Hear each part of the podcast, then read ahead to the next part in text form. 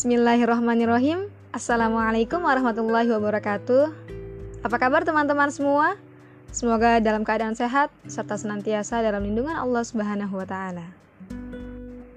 Ini adalah episode pertamaku di podcast Cerita dan kali ini aku akan bercerita tentang kisah seorang tokoh yang sangat berpengaruh di abad 20. Beliau merupakan pendiri organisasi Ikhwanul Muslimin.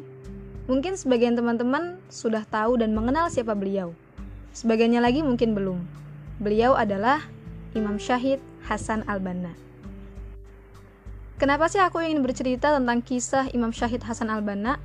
Khususnya di episode kali ini, aku ingin bercerita tentang masa mudanya seorang Imam Syahid Hasan Al-Banna. Jadi aku ingin membawa teman-teman semua untuk kilas balik seberapa produktif kita saat usia kita 13 tahun. Karena jujur aja, Dulu tuh aku sempat merasa bangga ketika usia aku 13 tahun. Karena aku mengikuti suatu organisasi, kemudian aku aktif di organisasi tersebut, dan aku selalu berupaya untuk memajukan organisasi yang aku ikuti. Yang ternyata, ilmu yang aku dapat di organisasi tersebut itu hanya bisa aku aplikasikan ke diri aku sendiri.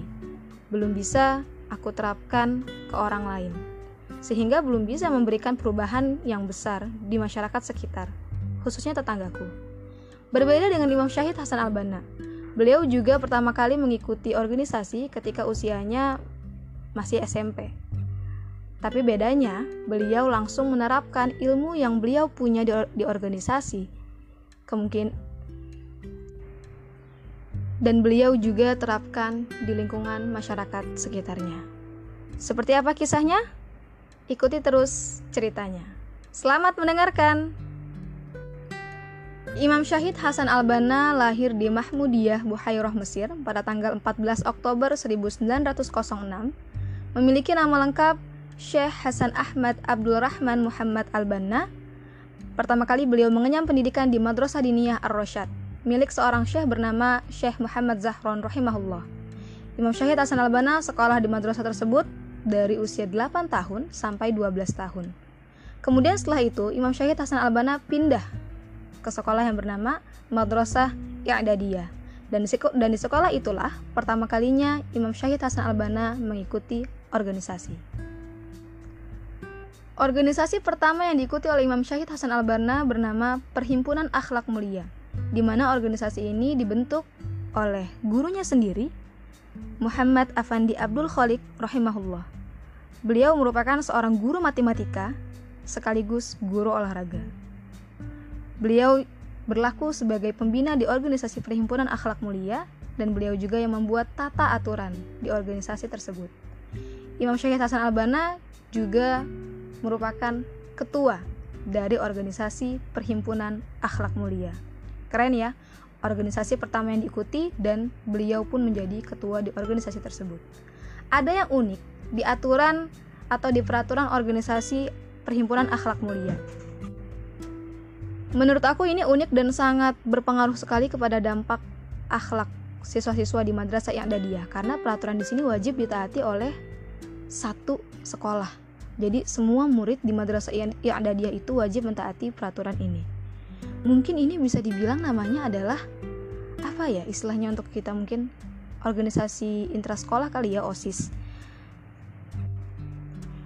Adapun peraturan dari organisasi tersebut adalah Barang siapa memaki saudaranya didenda satu milim. Satu milim itu merupakan mata uang terkecil di Mesir saat itu. Lalu, yang memaki ayahnya didenda dua milim.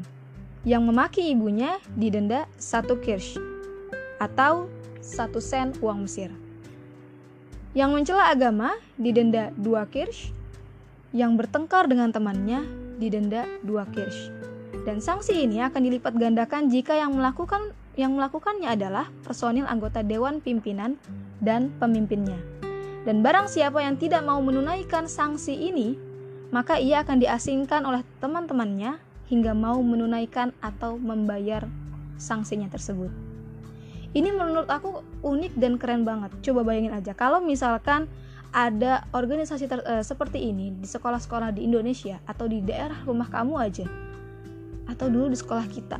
Kebayang gak sih kayaknya gak akan ada sejarah di mana kita tuh zamannya ngata-ngatain nama orang tua ngata-ngatain nama ayah apalagi sampai tawuran antar sekolah. Itu kayaknya nggak ada. Gimana mau tawuran? Mau pukul teman sendiri aja itu didenda yang ada uang jajan kita habis untuk bayar denda tersebut. Karena kita mungkin ngatain nama orang tua teman kita kemudian kita mencela uh, teman kita sendiri apalagi sampai baku hantam nah ini yang keren dan dinilai peraturan di organisasi tersebut dinilai sangat efektif untuk pembentukan akhlak siswa di sana dibandingkan dengan 20 mata pelajaran yang teoritis sifatnya. Dulu aku juga SMP itu ada 16 mata pelajaran. Itu lumayan cukup banyak karena waktu itu aku sekolah di Madrasah Sanawiyah di mana memang mata pelajaran agamanya aja ya itu ada 5 5 macam seperti itu. Nah, uang dendanya itu untuk apa? Uang dendanya itu dialokasikan untuk diinfakkan bagi yang membutuhkan untuk meringankan beban saudara atau siswa di sana yang membutuhkan. Contohnya adalah ketika Imam Syahid Hasan Albana memiliki teman yang ingin pindah ke luar negeri, jadi dia ingin pindah sekolah, ingin pindah e, ke luar negeri. Kemudian kan otomatis kalau pindah ke luar negeri itu kan butuh biaya yang banyak. Nah, untuk meringankan beban temannya itu, dipakailah uang denda tersebut untuk membantu temannya. Ini sangat sosial apa sangat sosial sekali ya kegiatannya. Dan ini yang membuat aku benar-benar merasa ini efektif banget untuk mendidik murid di sebuah sekolah. Dan ini bisa dicontoh buat teman-teman semua yang menjadi guru bisa pakai peraturan ini. Kalian mungkin bisa buat di organisasi pasti ada lah setiap sekolah itu pasti ada organisasi atau ekskul dan ini bisa diterapkan. Ini menurut aku efektif banget. Dan dana ini juga pernah dipakai untuk mengurus mayat yang tidak dikenal yang ditemukan di Sungai Nil. Jadi sekolahnya Imam Syahid Hasan Albana itu memang dekat dengan Sungai Nil. Dan di Sungai Nil itu ditemukan mayat tak dikenal. Dan otomatis kan kalau misalkan ada mayat pasti harus dikubur, dikubur segala macam itu kan pasti ada biayanya. Dan itu uh, uang denda tersebut dipakai untuk mengurus pemakaman mayat yang tidak dikenal tersebut. Ini bisa dicoba ini keren banget sosialnya dapat banget kemudian uh, dari segi agamanya juga pastilah gitu. Dan menurut aku sebaik-baik pendidikan adalah pendidikan yang bisa melahirkan kepedulian. Ada lagi satu kisah yang sama menariknya kisah di mana Imam Syahid Hasan Albana ini ceritanya beliau sedang jalan-jalan. Ini lagi masa mudanya ya. Beliau lagi jalan-jalan di tepi Sungai Nil, melewati tepi Sungai Nil. Kemudian kan di Sungai Nil itu banyak orang yang sedang membuat kapal layar, kayak kapal-kapal nelayan seperti itu. Dan di sana tuh banyak pekerja yang sedang membuat kapal layar tersebut. Nah, ketika Imam Syahid Hasan Albana sedang jalan-jalan, melintaslah Imam Syahid Hasan apa Imam Syahid itu di depan kapal di mana pemilik kapalnya tersebut menggantungkan patung yang patungnya itu mohon maaf e, berbentuk orang yang sedang telanjang di mana patung tersebut digantungkan di tiang kapal layarnya. Mungkin kalau misalkan kita saat itu di usia Imam Syahid Hasan Albana tuh merasa biasa aja, nggak terganggu. Nggak tahu ya, mungkin kayak nggak berani negur lah pasti ke orang tua. Nah, tapi kalau aku pribadi ya pasti kayak gitu. Aku nggak berani negur ke orang tua, apalagi berarti dulu masih bocah ingusan. Nah, kalau Imam Syahid ini berbeda beliau merasa resah, merasa itu tidak beretika, merasa itu e, sangat tidak bermoral. Akhirnya langsung ditegur pemilik kapal itu, bapak-bapak yang punya kapal.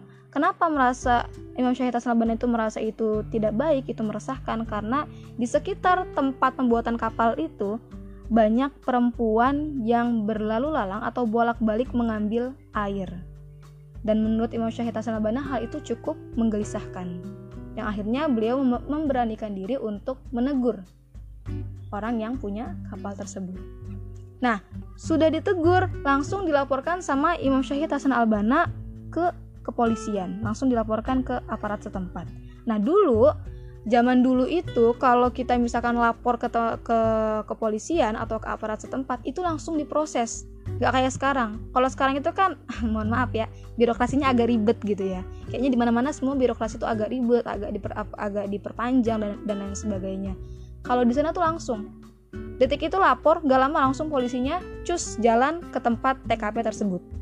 Dan akhirnya langsung lah ditegur si pemilik kapal tersebut untuk mencopot patung tadi dari kapalnya. Jadi tadinya tuh si orang itu ngeyel, dia udah dikasih sama Hasan Albana tapi merasa ya siapa gitu kan anak kecil anak SMP kok menegur orang dewasa nah Imam Syahid Hasan Albana saat itu benar-benar jiwa beramal solehnya itu menggebu-gebu akhirnya sampai dipanggil polisi untuk menegur orang tersebut nah setelah dari kejadian itu ternyata uh, aparat setempat atau polisi tersebut yang menangani kasus itu datang ke sekolahnya Imam Syahid Hasan Albana kemudian memberikan kabar ke kepala sekolahnya Imam Syahid Hasan Albana. Nama kepala sekolahnya ini adalah Ustadz Mahmud Rusdi. Nah, polisi itu menceritakan kronologis kejadiannya sampai akhirnya ketika lagi upacara, upacara biasa lah kalau mungkin kita dulu upacara hari Senin kan. Lagi upacara kayak gitu tiba-tiba kepala sekolahnya Imam Syahid Hasan Albani ini mengumumkan kepada seluruh murid bahwasannya ada seorang siswa yang luar biasa punya keberanian untuk menegur seseorang yang melakukan tindakan yang tidak beretika dan tidak bermoral di situ langsung kan Imam Syahid Hasan Abana tuh merasa kayak wah ternyata gimana sih rasanya kita kalau misalkan dipuji gitu kan jadi orang baik? Dan memang saat itu memang kondisinya yang memang Imam Syahid apa Imam Syahid itu memang orang baik orang yang hatinya bersih gitu. Ya kalau saya pribadi aja pasti bangga banget gitu kan wah selamat Itat. Kamu sudah uh, berbuat baik di gini gini gini gini gitu kan. Oh langsung kan meninggi gitu ya meninggi ya. Orang biasa kayak saya pasti meninggi gitu. Nah orang baik pun uh, sama. Pasti sifat manusiawi lah. Ketika kita dipuji atas kebaikan yang sudah kita lakukan keberanian yang sudah kita lakukan pasti kita langsung uh, semakin bersemangat lagi untuk melakukan perbaikan yang lebih lagi. Tadi kan aku cerita organisasi yang pertama ini didirikan oleh uh, gurunya Imam Syahid Hasan Albana uh, Ustadz Muhammad Afandi tadi kan. Nah karena abis dipuji tadi sama Kepsek Imam Syahid Hasan Albana akhirnya Imam Syahid Hasan Albana ini membentuk organisasi atau perkumpulan baru lagi bersama dengan kelima orang temannya.